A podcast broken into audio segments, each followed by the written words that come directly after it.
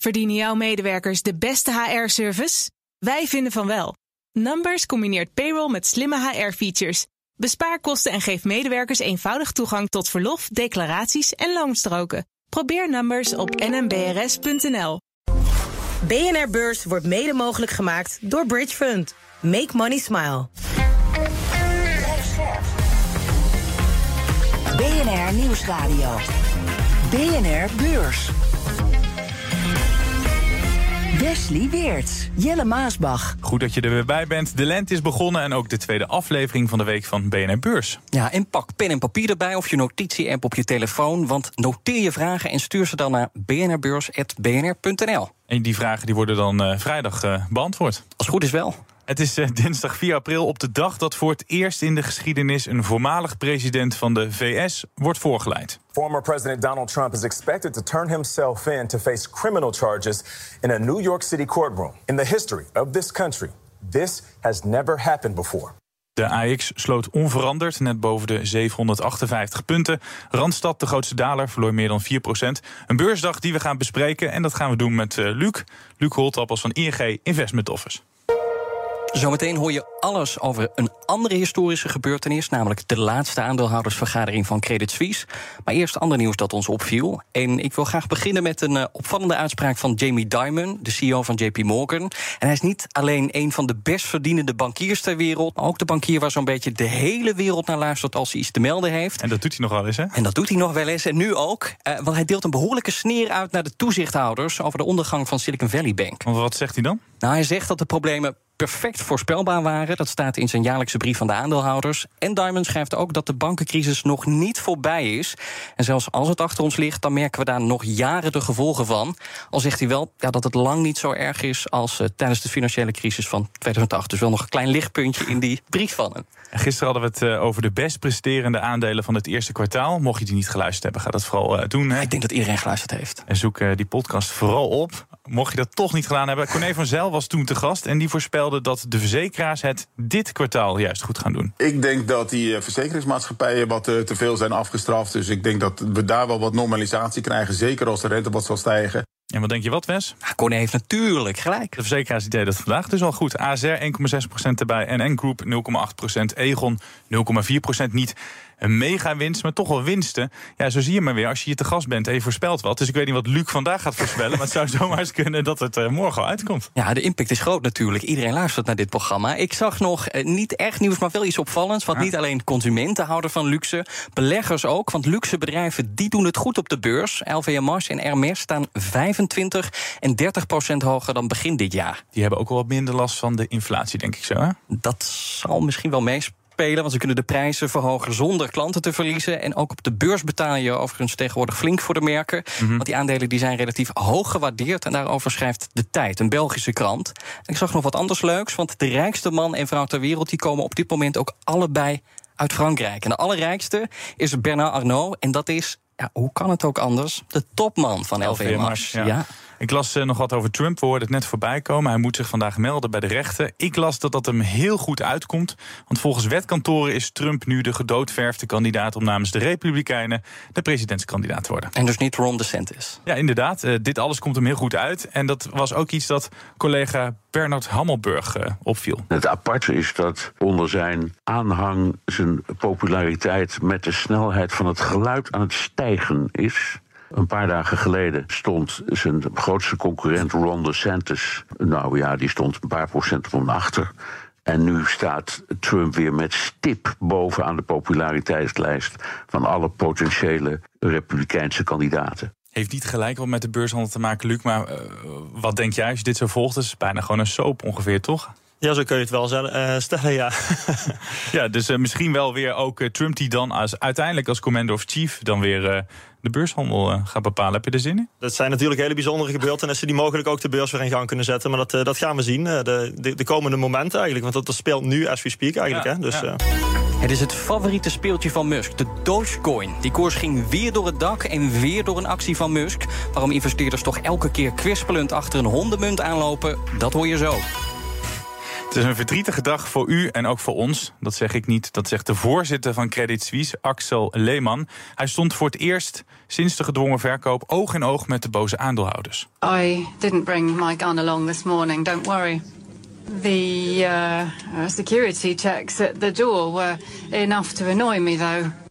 Het blijven wel Zwitsers, dus ze hebben niet geschreeuwd. Maar iedereen was wel echt boos. Aandeelhouders, obligatiehouders en burgers. Aan het begin werd er zelfs gefloten toen de vergadering werd uh, geopend. Ja, dat de uh, belastingbetaler boos is, uh, Luc, dat snap ik. Maar waarom zijn aandeelhouders in dit geval boos? Ja, wat je vandaag eigenlijk zag, is dat gewoon eigenlijk vandaag de confrontatie plaatsvond hè, tussen alle aandeelhouders en tussen de board of directors en uh, het topbestuur eigenlijk van, van Credit Suisse.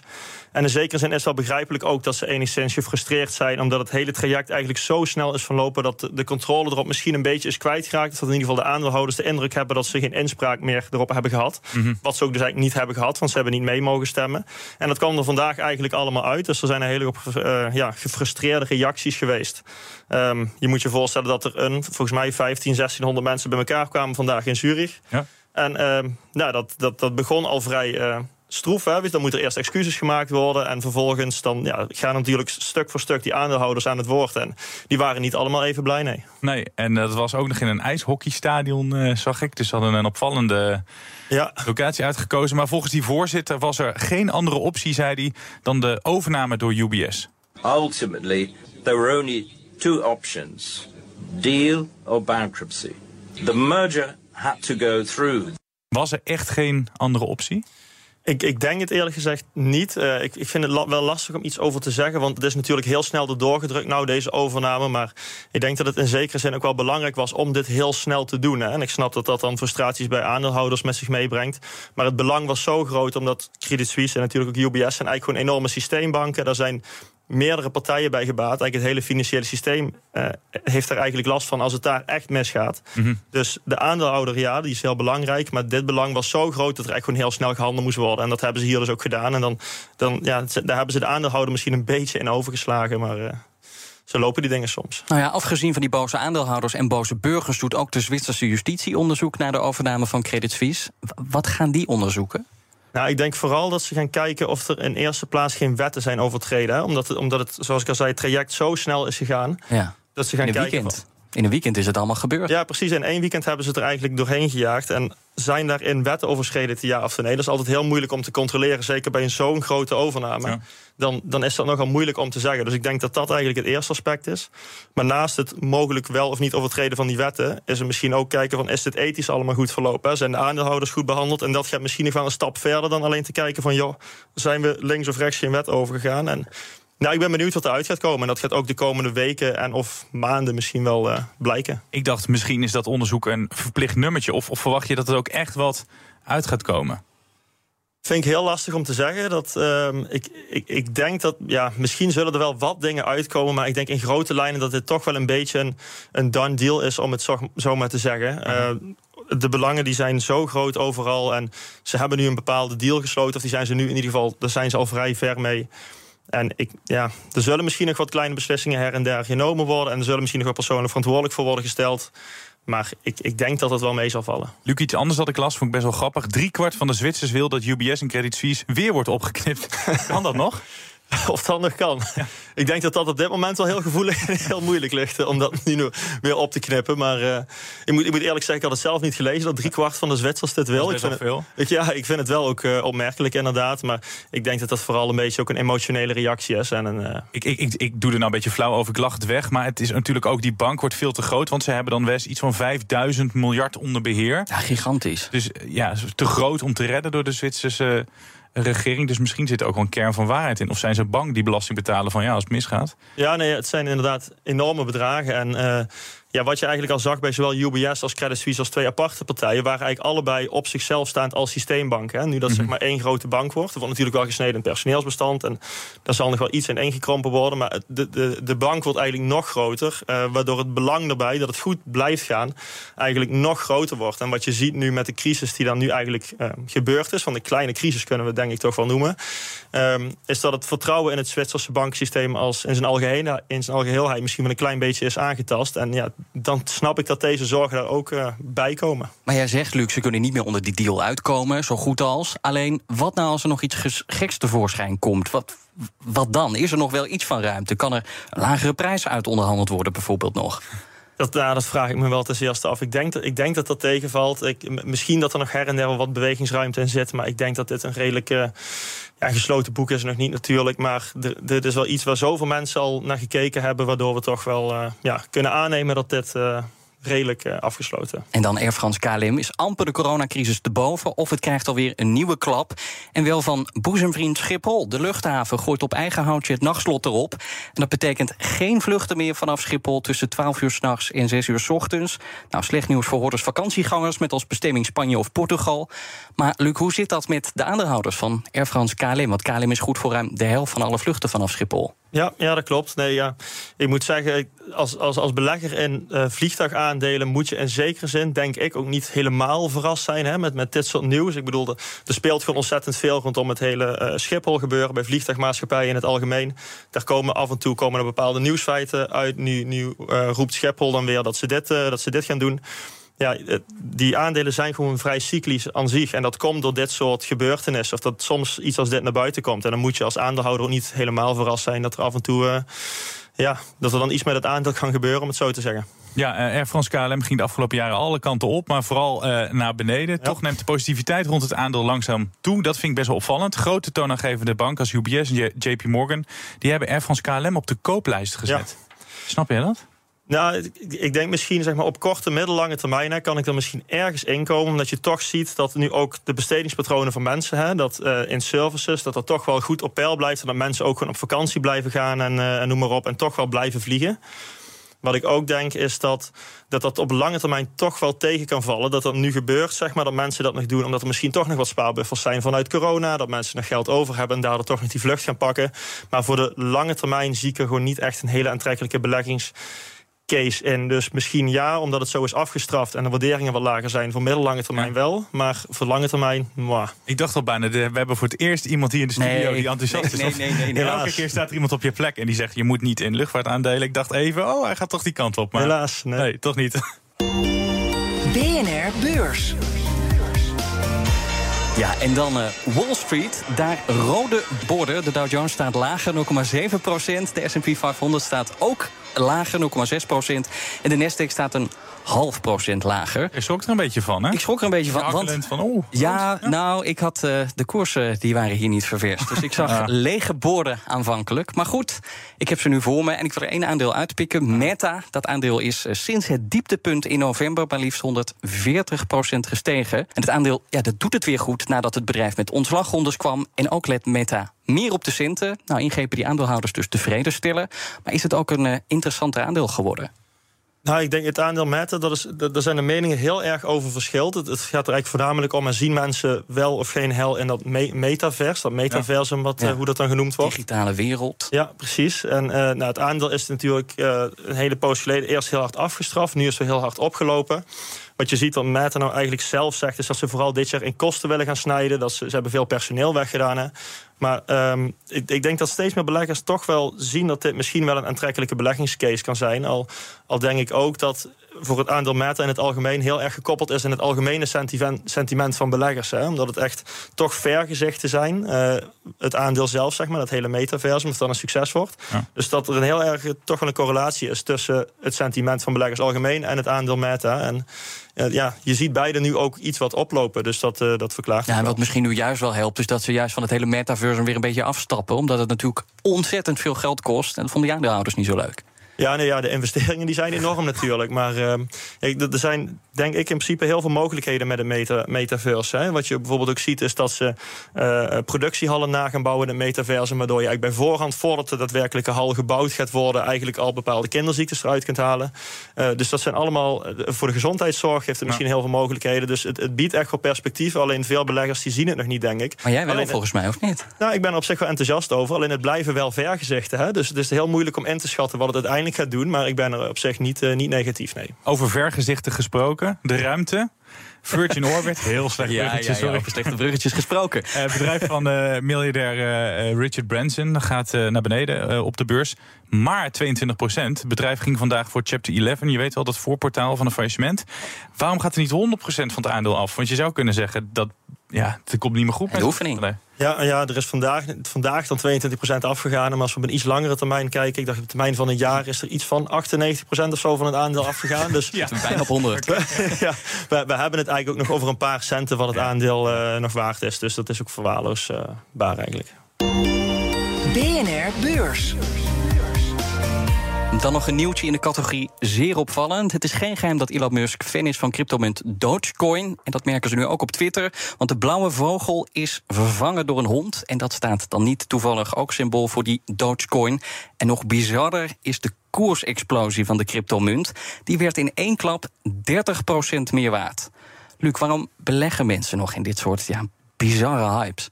Ja, je noemt het al een hype en ik denk dat dat eh, terecht is. Ja, toch? Ehm, ik moet zeggen, ik, ik moest vanochtend ook wel een beetje lachen, want ik las het op het nieuws hè, dat, dat hij dit gedaan zou hebben. Het eerste wat ik dacht van, nou dat, dat zal toch niet, hè? misschien ergens een afbeelding, maar hij zal toch niet echt het daadwerkelijke logo op de website veranderen. En toen ging ik dus naar de website toe en toen zag ik inderdaad dat het vogeltje weg was en dat hij er een, een, Een hondje. een, een, een hondje, een, een Dogecoin logo van, eh, van had gemaakt. Ehm, wat ook wel een beetje zeg maar, toonaangevend is voor hoe meneer Musk af en toe eh, kan handelen. Ja. Ehm, maar ja, waarom beleggen mensen erin? Ik denk dat het gewoon heel speculatief is en dat we er veel als, als echt beleggers niet te, veel, eh, niet te veel achter moeten zoeken.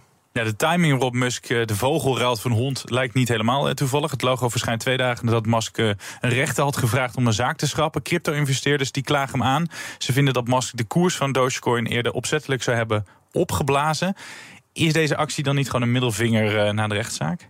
Ja, misschien wel een beetje, denk ik. Ik, ik snap wel dat de link gemaakt wordt. Hè, dat, nu, zeg maar, dat hij dit nu net doet. Nu uh, die eigenlijk soort van aanklacht tegen ze aankrijgt. Voor volgens mij een schikking voor 250 miljoen of zo kreeg hij tegen zich. Ja. Um, dus de timing is net iets te toevallig, zeg maar. Maar ik denk ook niet dat we er te veel achter moeten zoeken. Omdat, uh, ja, ik, ik denk dat meneer Musk niet altijd even uh, doordacht handelt. Dat dit gewoon wellicht ook weer een impulsieve actie geweest kan zijn. Dus ja, misschien is de timing wel een beetje ja. uh, opmerkelijk. Ja, sorry, maar, ik gooi mijn glas met de water om. Dus ik kijk even mijn lieftallige collega Jochem of hij zo even wat papier wil brengen. We zijn twee maanden bezig met dit programma. is al de derde keer dat hij zijn water omgooit. Over, over het toetsenbord of niet, of wel? Nee, er net ernaast. Maar voor dat apparatuur kapot kan. Ja, top. Maar goed, nee, is dit ook niet gewoon een late 1 april grap? Dacht ik nog. Ja, het is nu 4 april is het, geloof ik. Nou, zo zou je het ook nog kunnen interpreteren. Maar uh, nee, ik, ik, ik denk dat we als belegger gewoon in het algemeen niet te veel aandacht moeten besteden aan, uh, aan deze Dogecoin. Uh, kijk, sommige beleggers die gebruiken het gewoon puur speculatief. Die hopen dat de koers heel snel omhoog gaat. ik hoor wel eens het argument van diversificatie, maar dat gaat dan denk ik meer op voor een bitcoin of zo. Als, heb je het afgelopen jaar gezien dat het ook niet altijd opgaat, want toen ging alles omlaag. Ja. Maar ik denk dat, ja, we hier niet te veel aandacht aan moeten besteden. Ja. Al, was het, al, was het wel heel opmerkelijk wat er vandaag gebeurde. Ja. ja toch, toch nog één ding, want het is wel opvallend. Uh, en je ziet ook vaker dat die koersen van cryptomunten reageren op uitspraken, tweets of tv-optredens van Musk. Hoezo is zijn impact zo groot op die cryptomunten? Nou, ik, ik, ik, denk dat er, er is gewoon een bepaalde groep beleggers die uh, heel veel waarde hecht aan uh, zijn mening. En zeg maar altijd als hij iets doet of iets zegt, dan, wordt, dan reageert een koers van Tesla of zo daar ook meteen op. En dat zijn voornamelijk, denk ik, heel spe speculatieve beleggers. Ik denk dat ook veel speculatieve beleggers over het algemeen in, bijvoorbeeld in een stok als Tesla zitten. Um, en de enige reden waarom ik ook zie dat je in een crypto als Dogecoin of uh, iets, in, iets in die trant zou beleggen, dat is omdat je juist heel speculatief wilt zijn. En dan moet je met dit soort hypes meegaan. Dus als er dan iets geroepen wordt, dan wil je ook mee, want dat is de reden dat je erin zit. Ja, en als er iemand nu op dit moment een influencer is, of die het voor Twitter is, of voor Tesla, of voor zijn crypto. Uh, uh, munt, is het wel echt Elon Musk natuurlijk. Ja, ja, nee, dat klopt. Dus uh, die ja, heeft meerdere bijzondere uitspraken gedaan de afgelopen tijd. En dat, uh, dat doet de koers wel eens op en neer stuiteren. Maar in, ja, in principe beleggen, beleg, ja, je hebt ook altijd irrationele beleggers. zijn. Uh-huh. In, in principe irrationeel gedrag is ook wat beleggen ook af en toe leuk kan maken. Hè? Dat mensen irrationeel handelen creëert ook kansen. Dus, uh... ja. Ik weet ook niet hoe dat in Amerika zit. Want ik heb daar in het verleden voor BNR wel eens naar willen kijken. Want toen twitterde die van alles en hij riep van alles. En ja, in Nederland is dat wat strenger gereguleerd. Maar het lijkt me ook best wel moeilijk voor toezichthouders. We, we weten natuurlijk in de tijd uh, bij Tesla dat hij een soort van Twitter-nanny kreeg. Dat hij niet alles meer mocht twitteren. ja. Maar moet je zo'n man dan ook meer in de gaten uh, gaan houden omwille van die uh, beleggers? Ja, ik denk dat dat ook soms wel in ieder geval qua cryptogebied heel lastig is. Want daar is het toezicht heel, heel beknopt. Hè? Dat, mm -hmm. dat is er eigenlijk bijna niet. Ehm, op het gebied van aandelen, dus bijvoorbeeld bij Tesla, mag er af en toe misschien wel wat beter naar gekeken worden. Ja, wat hij allemaal roept en wat het dan met een koers doet en hoe wel of niet manipulatief het misschien zou kunnen zijn. Dat is iets voor toezichthouders om verder uit te zoeken. En uh, ja, daar wil ik ook niet te ver op vooruit lopen. Maar het is wel belangrijk dat we daar goed naar blijven kijken. Dat niet iedereen zomaar alles kan roepen. En dat we wel moeten blijven kijken van joh, wat, uh, ja, wat kan wel en wat kan niet. Wat een voormalig president die toevallig vandaag naar de rechter moest, die alles uh, riep. En nu hebben we een, een topman die gewoon lekker veel roept. Ja. Voor ons leuk. Dat hebben we genoeg om te bespreken. Maar wel genoeg gespeculeerd nu. Laten we kijken wat er morgen op de agenda staat. Morgen vergaderen de aandeelhouders van die andere Zwitserse bank, UBS. En dat belooft een minder sombere vergadering te worden. Want het aandeel UBS is sinds de overname van Credit Suisse al meer dan 10% gestegen. Het zal vooral gaan over de risico's van krediet. Want worden mogelijke verliezen gedekt door de miljarden die de overheid heeft beloofd, of niet? Een van de mensen die vertrekken is Rolf Hamers, tot voor kort bestuursvoorzitter van de bank. Aan het einde van de vergadering wordt hij vervangen door zijn opvolger en voorganger Sergio Ermotti. Verder is de beurs in China morgen gesloten wegens het Qingming Festival, een nationale feestdag. Luc, UBS vergaat het morgen dus. Verwacht je daar ook boze aandeelhouders? Of denken die vooral, ik heb die 3 miljard betaald voor een gigantisch aantal klanten, laat maar zitten? Nou, ik denk dat die beleggers over het algemeen nog wel iets eh, positiever kunnen zijn hè, dan, de, dan de aandeelhouders van, uh, van Credit Suisse. Um, ze hebben namelijk denk ik toch wel een aardige deal gesloten door dit zo over te nemen toch voor, toch voor een redelijk uh, laag bedrag. En sinds, sinds het hele debakel begon, eigenlijk staat de koers van UBS ook gewoon 10% hoger, dacht ik uit mijn hoofd. Ja, klopt. Dus die kunnen denk ik wel iets, iets optimistischer zijn, ja. Dit was hem. Dank. Luc Holtrappels van ING Investment Office. Dit was je eerste keer. Ja, maar heel eerlijk, laat ik het gewoon op zender zeggen, dat iedereen het kan horen. Dat was niet te horen dat het de eerste keer was. Nee. Heel goed. Nou, bedankt. Het was leuk om hier te zijn. Dus, uh. ja, fijn dat jij er was. En voor we echt afsluiten hebben we een tegeltjeswijsheid uit het boekje van Corné van Zijl. Gisteren nog live, hè? Ja, uh, nu niet, helaas. Nu niet. Dit keer weer eentje ingesproken door collega Emma. En dat is in dit geval ja, eigenlijk een, uh, een tip. Hoe meer je handelt, hoe slechter je presteert. Luc, we zien jou snel weer. En de luisteraar, tot morgen. Tot morgen. BNR Beurs wordt mede mogelijk gemaakt door Bridge Fund. Make money smile. Verdienen jouw medewerkers de beste HR-service? Wij vinden van wel. Numbers combineert payroll met slimme HR-features. Bespaar kosten en geef medewerkers eenvoudig toegang tot verlof, declaraties en loonstroken. Probeer Numbers op nmbrs.nl.